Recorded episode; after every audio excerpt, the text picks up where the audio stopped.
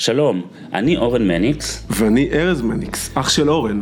בפודקאסט הזה אנחנו נדבר על 11 טיפוסים אישיותיים מולדים שנקראים התדר של האדם. נפגוש אנשים מעוררי השראה שגילו לאיזה טיפוס הם משתייכים ונדבר על איך ניתן להביא לידי ביטוי את התדר שלנו. שהוא עוצמת העל המולדת של האדם, במערכות היחסים, בביטחון העצמי ובהגשמה המקצועית. קרן איתן היא יזמית ויוצרת תוכן שמובילה קהילה עצומה של אימהות באינסטגרם. דיברנו איתה על כפתורי ההפעלה הרגשיים הייחודיים של אישה שהופכת לאימא. מסתבר שזה ממש לא פשוט, אבל ישנן דרכים לחוות צמיחה מהאימהות. אוקיי, היום אנחנו בפודקאסט מאוד מיוחד עם אה, קרן איתן. שלום. יזמית, יוצרת תוכן, מקימת... אה, שבט אימהות. שבט אימהות. והפודקאסט הזה יהיה מאוד מאוד מעניין לאימהות בינינו. נכון. אה, שבעצם אה, רוצות אה, לקבל תובנות, לקבל תמיכה, לקבל עזרה, לקבל הרבה תובנות וכלים על האתגרים של אימהות. נכון. ולא חסר אתגרים. לא, ברור שלא חסר. אז כיף שאת איתנו. כיף להיות פה. תענוג גדול. אז קודם כל נשמח ככה בכמה מילים שתציגי את עצמך.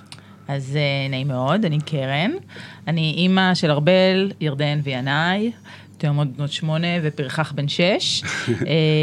אני יזמית ויוצרת תוכן ברשת, יש לי עמוד אינסטגרם ועמוד פייסבוק שנקרא עם שבט אימהות, יש לי פודקאסט שנקרא אימא כמוך. ותוכנית ליווי לאימהות אחרי לידה, שנקראת שבט אימהות, שמחברת בעצם בין אימהות אה, אחרי לידה לבין אימהות אחרות מאותו אזור, אה, בקבוצות קטנות שקורות בוואטסאפ, וביניהן לבין יועצות מקצועיות שעוזרות להם אה, להבין איך להיות אימהות יותר טובות ואיך לעזור לילדים. וכן, אני בעצמי אימא. שחווה לא מעט אתגרים מול הילדים שלי. אני לא אשת מקצוע הדרכת הורים או משהו כזה, אני מביאה לרשת, לעמוד האינסטגרם שלי, שנקרא שבט אימהות, את כל האמת הלא מפולטרת על מה זה אומר להיות אימא. עם ההייז והלואוז. מדהים, ותראי, היתרון או הזווית אה, שאני מביא זה שאני אבא. אז אולי מדי פעם ככה נביא את ה... אני מצטערת לבשר לך, אבל האינטליגנציה הרגשית שלכם בדרך כלל אה, לא מתקרבת לאינטליגנציה הרגשית של האימהות. יפה, טוב שאמרת אינטליגנציה רגשית, כי היום אנחנו ניגע באתגרים הרגשיים של אימהות, שאני בטוח שהאינטגרציה הרגשית היא גבוהה, אבל לכולם יש אתגרים. נכון. ו... ו... ואנחנו ניגע בזה, על האתגרים הרגשיים, ואנחנו נלמד איזשהו כלי שנקרא כפתורי הפעולה הרגשיים, mm-hmm. שבעצם זה יאפשר לנו לזהות מה האתגר הרגשי, מה הקושי הרגשי, ו... ו... ונדבר איך אפשר להתגבר אליו, כי בסוף בסוף אימהות, הורות, יחסים, אה, חלק גדול מההתנהלות, מהקשיים, הם גם בסוף בסוף מתנגזים לרגשי. חד משמעית. ו- ובזה אנחנו נשים את הפוקוס היום, ודרך זה גם אה, נכיר מהתובנות שלך, מהעולם שלך, אה, כי, כי עברת מסע ודרך. אז אורן, איך...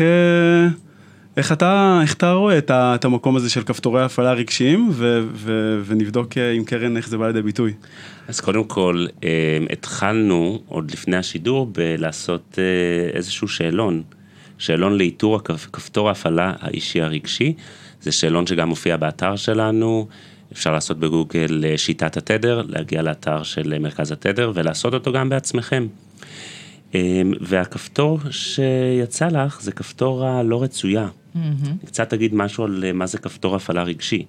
כפתור הפעלה רגשי זו חוויית כאב בסיסית שצרובה בתוכנו, שאנחנו מבלים חלק גדול מהחיים שלנו כדי להימנע מלהרגיש אותה, או אה, להיות במפח נפש על זה שאנחנו מרגישים אותה. וכשאנחנו מוצאים את כפתור ההפעלה הרגשי שלנו, אנחנו בעצם מגיעים לאיזשהו שורש שהרבה פעמים מוביל את ההתנהגות שלנו ומוביל אותנו למקומות הפוכים ממה שאנחנו רוצים לה, להגיע אליו. למשל, אנחנו רוצים שתהיה לנו זוגיות טובה ויחסים טובים, אבל משום מה, אנחנו כל פעם מוצאים את עצמנו רבים. מאחורי מצבים כאלה, תמיד יש כפתור הפעלה רגשי, בדרך כלל כפתור הפעלה רגשי אצל האישה וכפתור הפעלה רגשי אצל הגבר, שמפעיל אותנו, וגם כ, אה, כהורים, זה גם מפעיל אותנו. אחת הסיבות שאנחנו לא יכולים כמעט אף פעם להיות ההורים שאנחנו רוצים, בעיקר במובן של הפניות הרגשית שאנחנו רוצים לתת לילדים שלנו, קשורה לכפתורי הפעלה רגשיים. כשנלחץ לנו כפתור, יכולת ההכלה שלנו יורדת לאפס. והכפתור שיצא לך, זה כפתור לא רצויה. יכולה לספר לי קצת על זה? מה, מה את הבנת מהכפתור הזה? אמ, דבר ראשון, כשממלאים את השאלון, מקבלים ככה כמה תובנות על איפה זה פוגש, איפה זה עלול לפגוש אותנו בחיים, ולגמרי זיהיתי את עצמי ב, בכולם. אה, אני כן יכולה להגיד, לפני שאני אספר רגע איפה זה פוגש אותי, שבשנים האחרונות, המקצוע שבחרתי לי, אני ממש מרגישה שהוא בא בעצם לענות על הכפתור הזה. זאת אומרת, להקל עליי, ואני כל הזמן מקבלת הוכחות לזה שאני רצויה ואהובה ומוערכת, כי בחיים הרגילים שלי מחוץ לרשת, אני באמת הרבה פעמים חווה את זה. אתן דוגמה הכי פשוטה, אתמול בערב אני ובעלי יושבים ומדברים, ותוך כדי שאנחנו מדברים הוא מסתכל בטלפון. Hmm, ואני ישר, וואו. אה, עכשיו, הוא הסתכל בטלפון כי הוא משהו שקשור לעבודה, אני אומרת לו, אתה רוצה שנדבר אחר כך? כאילו, זה לא מעניין אותך מה שאני מספרת? הוא התעצבן עליי, תפסיק עם המניפולציות האלה. אני יכול להסתכל בטלפון, קיבלתי הודעה לראות מה זה, אני עדיין מקשיב. וזה בדיוק המקום שזה, שזה מפעיל. כאילו, שאני כל הזמן מחפשת את המקומות שבהם אה, אני לא רצויה. שבהם אני, היו מעדיפים לעשות משהו אחר מאשר להיות איתי, שאולי אני מחפשת את ההוכחות לזה שאני רצויה, שאני מוערכת, שאני נותנת ערך, שאני אה, משמעותית בחיים של אנשים אחרים. וכאמור, היום אני עוסקת במקצוע שכל הזמן אני מקבלת פידבקים לכמה שאני מרכזית ומשמעותית. אה, אבל זה לא משהו שבחיים הרגילים אתה כל הזמן יכול לקבל עליו מענה.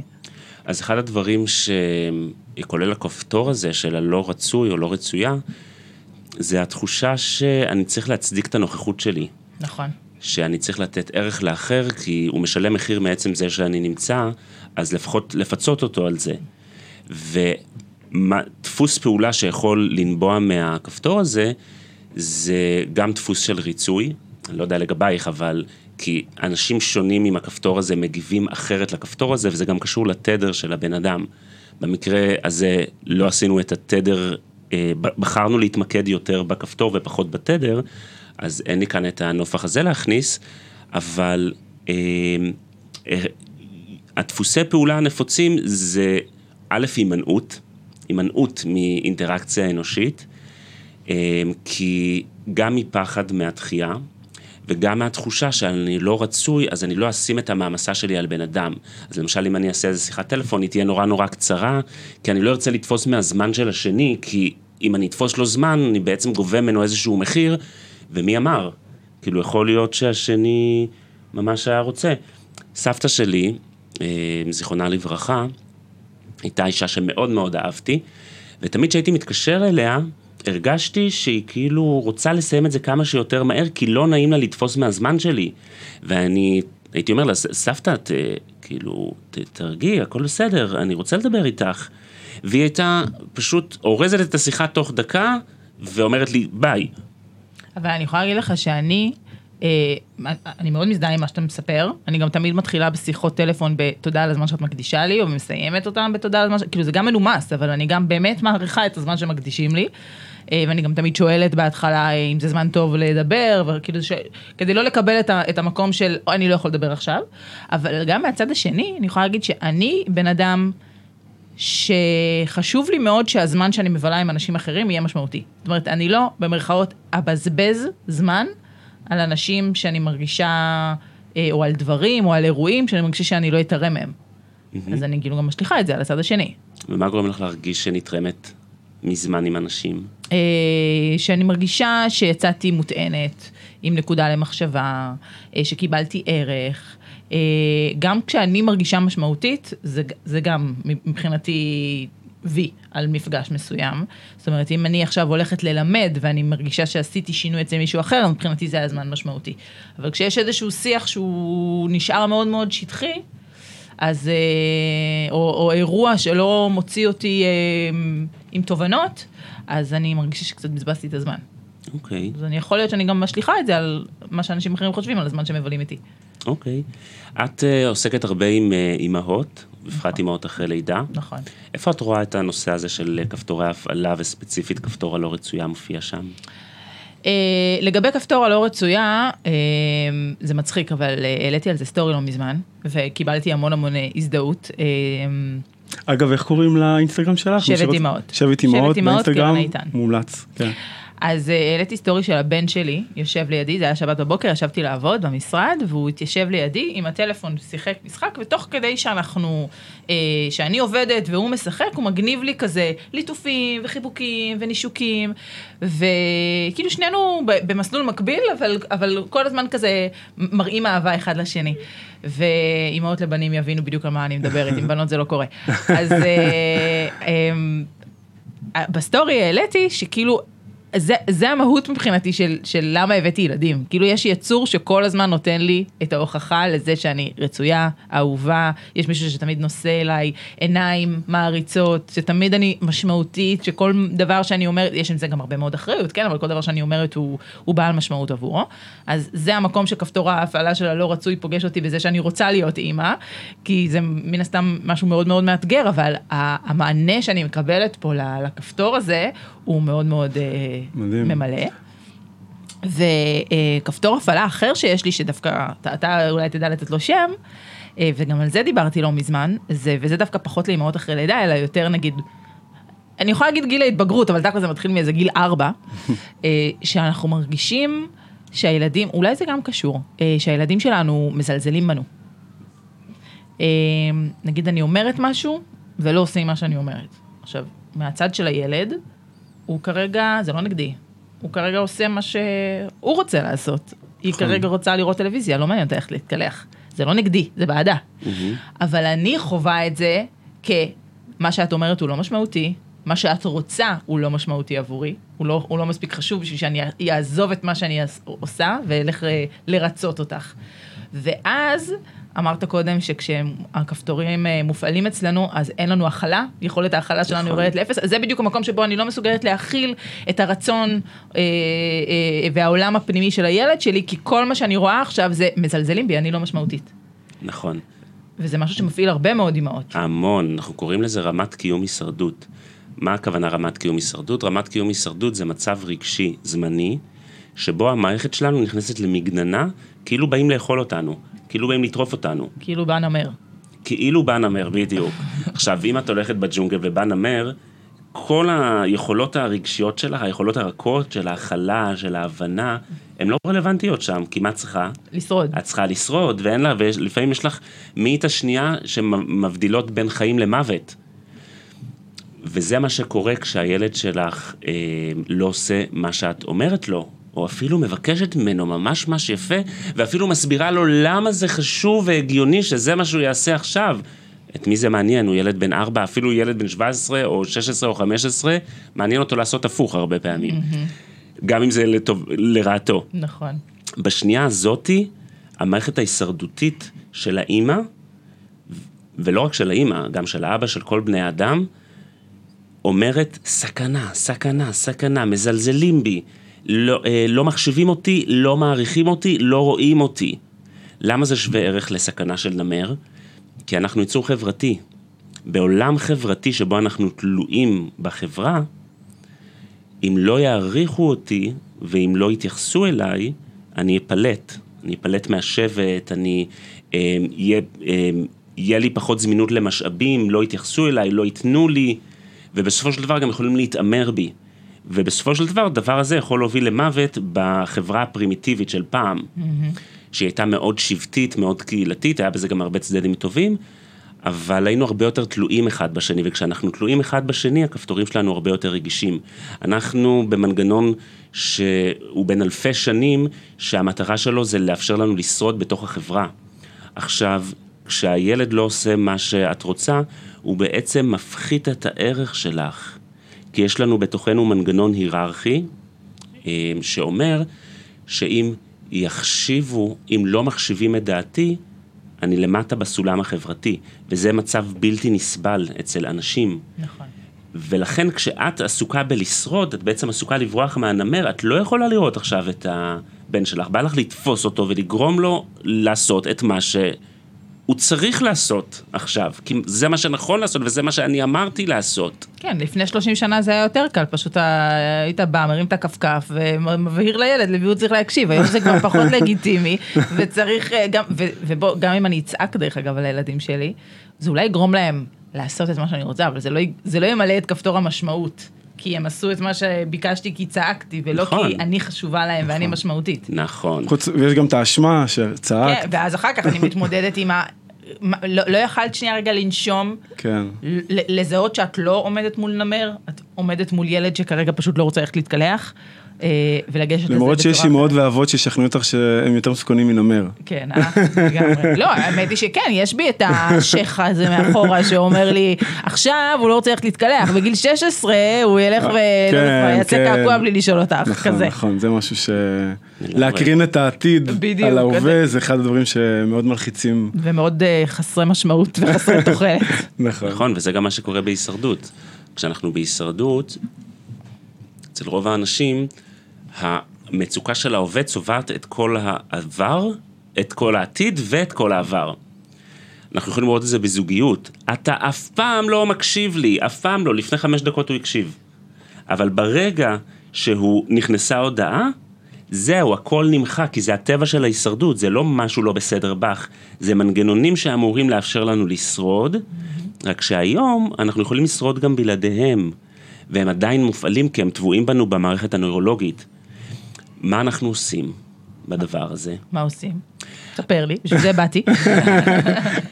רגע לפני שאנחנו ממשיכים, אנחנו רוצים לתת לכם מתנה. הכנו לכם שאלון שימפה את המנגנון הרגשי האישי שמעכב אתכם בתחומי הביטחון העצמי, היחסים וההגשמה המקצועית. את השאלון כבר עברו קרוב לששת אלפים איש. הוא ייעשה על ידי מאמן וירטואלי בשיטה חדשנית, והוא פותח על ידי מומחים בתחום.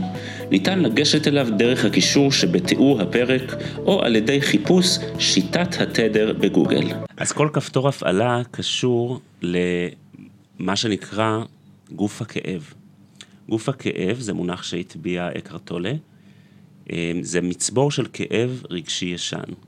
כשהבן שלך לא עושה מה שאת אומרת לו, עולה לך לא רק כאב מאותה פעם, כי גם מאותה פעם עולה כאב, אבל הוא מתחבר למאות שכבות של כאב מהעבר, שבהם חווית שלא מתייחסים אלייך, שלא מחשיבים אותך, שלא מעריכים אותך ושלא רואים אותך, ולכן גם לא רוצים להיות איתך. וכל הכאב הזה עולה, ובאופן לא מודע הוא הופך להיות הגורם לכל הכאב הזה.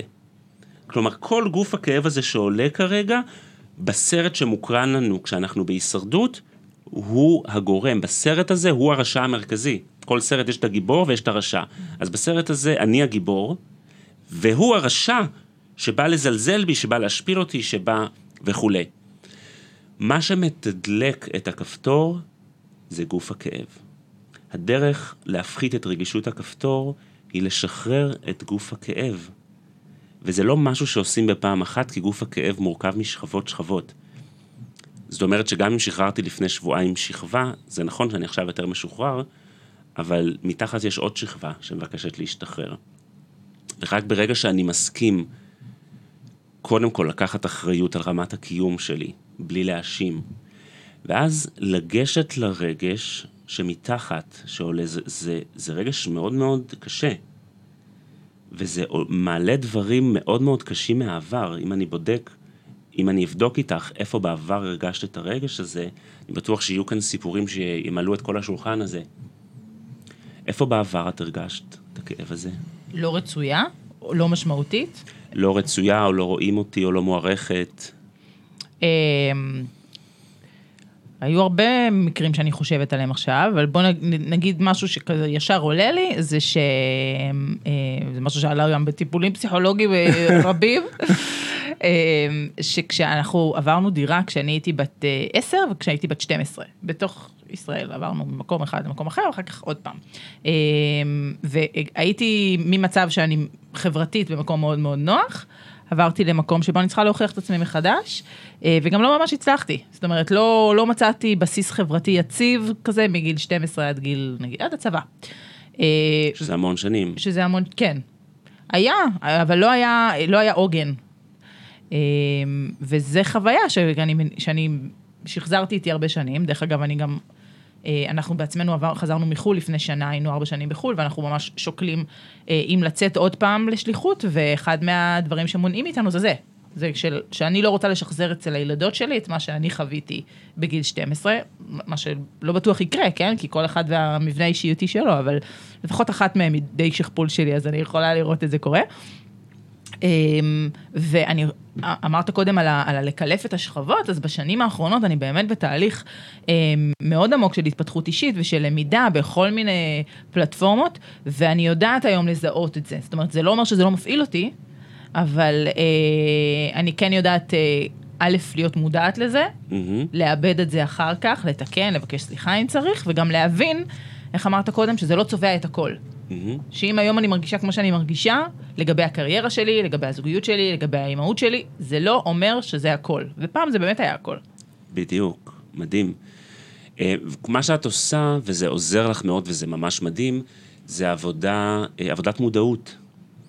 והנופח ששיטת התדר מוסיפה זה עבודה רגשית. כי את עושה עבודה מודעות, עבודת מודעות, וזה עוזר לך לא להישאב לגמרי לתוך ההישרדות כשהיא קורית, וגם לצאת ממנה יותר מהר, שזה מעולה. אבל מה שמקיים את ההישרדות ואת הכפתור הזה, זה חוויה רגשית שצבורה שם. ומה שהרבה פעמים עושים בחדר הפסיכולוג זה מבינים אותה. מה שאנחנו עושים בשיטת התדר זה שאנחנו אה, משחררים את הכאב על ידי כלי שנקרא להיות במצב. מה זה אומר להיות במצב? ללמוד לשהות? בדיוק. כן. זה... אני, אני בן אדם מאוד לא שוהה. בדיוק. אז אני מודעת לזה שאני צריכה ללמוד לעשות את זה. בדיוק. מה זה אומר לשהות? קרה מה שקרה, עשית מה שעשית אפילו באופן חיצוני כדי למזער את הפגיעה בילד ו... ולסטות ממה שאת מאמינה שאת רוצה לפעול ולהיות. ואחרי זה, יש שלב שבו אני שואל את עצמי, איזה רגש עלה בי ואיזה רגש עולה בי. ואז אני מסכים להיות ברגש הזה, מבלי להאמין לסרטים שרצים. הסרטים שרצים שאומרים שאני לא בסדר, שאומרים שהילד שלי חוצפן, שאומרים שכל החיים זה יהיה ככה, שהנה בגיל 16 הוא הולך לעשות uh, קעקוע וניתוח שינוי מין, בלי בכלל שאני אדע. ו... אבל כן להיות ברגש ולשהות. למה לשהות? כי האדם מורכב משתי קומות מרכזיות. יש עוד קומות, אבל אלה הקומות המרכזיות של הנפש, זה קומת הראש וקומת הלב. בקומת הראש, השפה היא התקדמות, פיצוח, כיבוש אה, ו, והבנה. בקומת הלב זה לא עובד ככה.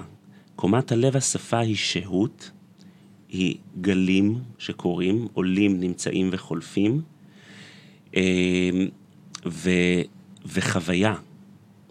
עכשיו, אם אני מבין בראש, ועשיתי וי על הראש, אוקיי, זו הייתה הישרדות, טה, טה, טה, טה, טה, טה, טה, עדיין לא ניטרלתי את המוקש, לא ניטרלתי את החומר נפץ, כי החומר נפץ נמצא בקומת הלב. והכלי בקומת הלב זה לא הבנה, זה קומת הראש, זה גם טוב, אנחנו רוצים לעשות סנכרון בין שתיהם.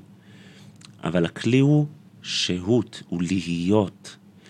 כי כשהתודעה, כשאנחנו מתרגלים שהות, מה שקורה, התודעה שלנו פוגשת את האנרגיה, אנרגיית חיים הגולמית הזאת שנקראת רגש, mm-hmm. והיא בעצם מפרקת אותה.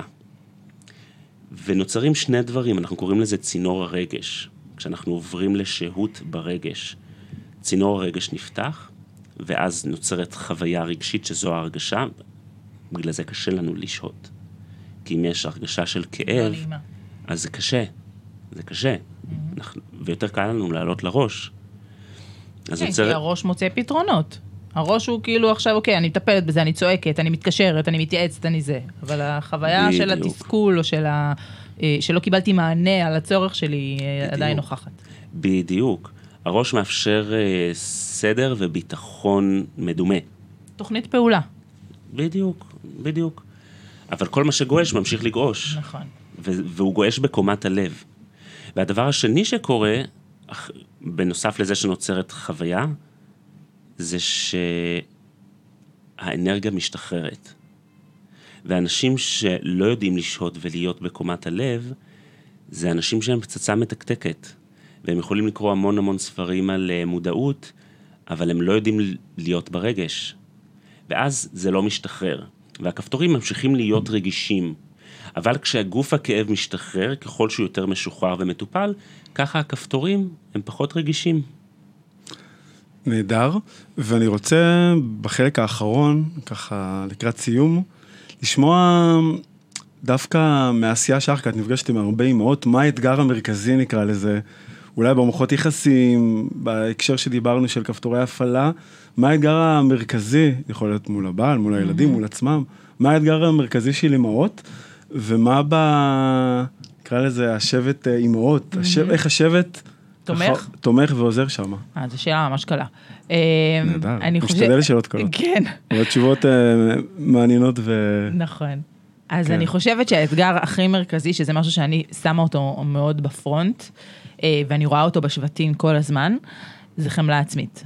זאת אומרת, אה, להבין שאני לא מושלמת, אני לא אהיה מושלמת, ואני מדברת כאן בפן של האימהות. כן. וכמובן שזה הולך לכל הצדדים, לכל הכיוונים, כי כשאני לא, כשאני אימא, אני גם לא מסוגלת להיות מושלמת בקריירה שלי, או בזוגיות שלי, או בשאר מערכות היחסים בחיים שלי, או באיך שאני נראית, או איך אני מטפחת את עצמי. אז להבין שזה בסדר לא להיות מושלמת, ולהבין שזה, שזה תהליך. אם דיברנו על לשהות, שזה לא תמיד יהיה ככה, חוסר שינה וחוסר סיפוק וחוסר יכולת להיות על כל הדברים. כן. אמ, להבין שנייה רגע לטווח רחוק שהחיים לא הולכים להיראות ככה, והמענה שאני מצאתי שמאוד מאוד עוזר לי, ולכן אני יצרתי את הפלטפורמות האלה, זה לנרמל. זאת אומרת, ברגע שאני רואה שכולן נמצאות איתי באותו, אם אנחנו מדברים על שבט, אז באותו קנו, באותה סירה, כן. אז uh, יש משהו שמאוד מאוד מוריד את הלחץ מהצורך להיות מושלמת. כי אני מבינה שזה לא אני כאן התפוקה, ושאם uh, עוד uh, זיליוני אימהות עשו את זה לפניי, זה לא הופך את זה לחוויה יותר קלה עבורי. כן. אבל אני יודעת שהם עברו את זה, אז גם אני אוכל לעבור את זה. אז, מדהים. אז הקושי הוא חמלה עצמית, והפתרון הוא נרמול, שיתוף. אה, של הקושי וגם של האושר. זאת אומרת, אה, להפוך את החוויה הזאת לחוויה משותפת, שבה חוכמת השבט עוברת מאימא לאימא, זה מה שהופך את, אה, להרבה יותר קל. מדהים. אז עכשיו אנחנו נלך לשלב של הסיכום, שכל אחד נעשה סבב קצרצר, וחלק מהסבב זה גם המאזינות והמאזינים שלנו, שהם גם יגידו איזה תובנה אה, הם לוקחות מהפודקאסט הזה, ונתחיל איתך, אורן, איזה תובנה אתה לוקח מהפודקאסט הזה? מה זאת אומרת שהמאזינות יגידו? לעצמם. לעצמם. אה. יגידו לעצמם, שישאלו את עצמם. שלחו לנו ב... שנייה, אנחנו מעלים פה בלייב אחת המאזינות, לא, נוותר על זה פעם הבאה. אה, מה אני לוקח? אה, אני לוקח כמה, אה, כמה חשובה קהילה לנשים שהן, אה, שהן ילדו, יש בזה משהו מאוד בודד בעיניי, כי את תקועה בבית עם זעתות, לפעמים במצב חדש שלא הכרת לפני, אה, וכמה הצורך האנושי בחיבור הוא, הוא צורך קריטי, ובאמת אין שום סיבה ש, שנשים יעברו את זה לבד. הבעל הולך לעבודה וחוזר, הן נשארות לבד, ואין שום סיבה, נכון. אז אם לא בפיזי, אז לפחות גם בדיגיטלי. לגמרי. אני לוקח את המקום, אחד, אני מאוד הזדהיתי איתך, את ההזדהות עם הריצוי, אני גם זה משהו שחזק אצלי.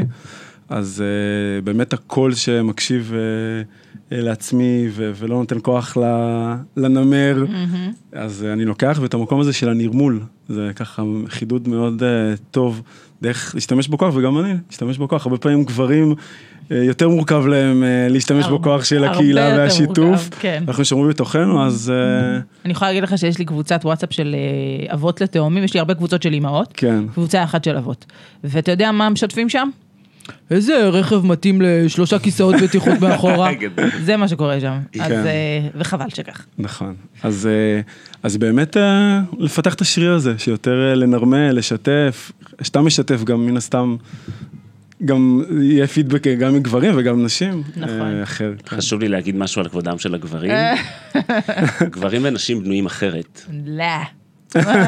לא, לא לא הייתי מנחשת בחיים. אורן, יש לנו כבוד, לא צריך לשמור עליו. אחד הדברים שלומדים בזוגיות, אה, זה שהרבה פעמים אה, נשים אה, חושבות שגברים זה פשוט אישה גדולה ושעירה שלא מתנהגת כמו שצריך, וצריך אה, ללמד אותה איך להתנהג. אבל אה, גברים ונשים בנויים אחרת, ויש לה גם צרכים אחרים. גברים בטבע שלהם יותר יוצאים החוצה. יותר פונים החוצה, יותר רוצים לתקן דברים, לסדר דברים, לפתור דברים, ולכן זה גם לא מפליא אותי שהם שואלים על אה, עניינים טכניים שהם אחראים בבית אה, לטפל בהם. אמ, וזה גם חלק מההבנה של איך אנחנו חיים ביחד, מההבנה הזאת שאנחנו באמת שונים. הגבר מצפה שהאישה תהיה קצת יותר גבר, והאישה מצפה שהגבר יהיה קצת יותר אישה, קצת יותר רגיש, מכיל. כל מה שהיא מצפה מחברות שלה, היא מצפה גם מהגבר, ולא תמיד יש לו את אותן יכולות שיש לה לעשות את זה. שלא לומר אף פעם. לא, אני באמת, אני אתמול שיתפתי איזה ריל שלא אני עשיתי, כן? שמישהי אחרת עשתה על זה שהיא כאילו באה ומשתפת את הבעל שלה על זה שהיא, קשה, היא, she's overwhelmed וקשה לה כזה ל, אה, להתמודד עם מה שזה, והבעל אומר לה, זה יהיה בסדר. וואו. כן, או שהוא מנסה לפתור את זה טכנית. תודה לך, וואו, זהו, אני מרגישה כל הוא כך הרבה יותר טוב הוא השרה עכשיו. בביטחון. כן. אז אה, אה, גברים מסוג האלה אפשר לשלוח אלינו, אנחנו לומדים אותם איך מדברים בשפה של קומת הלב. נכון. כי גם גברים יכולים ללמוד את זה. נכון. אז שנייה, אז מה את, מה את? כן? אה, אני לוקחת את הכפתור הפעלה הרגשי. כאילו הסיפור הזה של, ה... של מה שמפעיל אותי, הלא רצוי, זה משהו שלא ידעתי לשים עליו את האצבע עד היום, וברגע ברגע שאני יודעת אה, מה מפעיל אותי, ומבינה איפה זה פוגש אותי בחיים שלי, אני יודעת שנייה לזהות גם שזה לא נמר כשזה קורה, ולהתמודד עם זה בהתאם. אוקיי, תודה, קרן. היה מרגש, היה מלמד, היה תענוג כיף, יש לך אנרגיה כיפית, ואני ממליץ לכל מי שסקרן אותה הנושא של שבט אימהות ואתגרים של אימהות, לעשות בגוגל, באינסטגרם, לחפש אותך, והוא רק יזכה מזה, ותזכה. אז אה, תודה. תודה לכם. להתראות, ביי. עד כאן להפעם, תודה שהייתם איתנו. אם אהבתם את הפרק, אתם מוזמנים לעקוב אחרי הפודקאסט ולקבל עדכונים על פרקים שמתעדכנים. אם עלה בכם הרצון לדעת עוד על התדר האישי שלכם ואיך הוא יכול לשדרג את חייכם, אתם מוזמנים לחפש שיטת התדר בגוגל או ללחוץ על הקישור שבתיאור הפרק.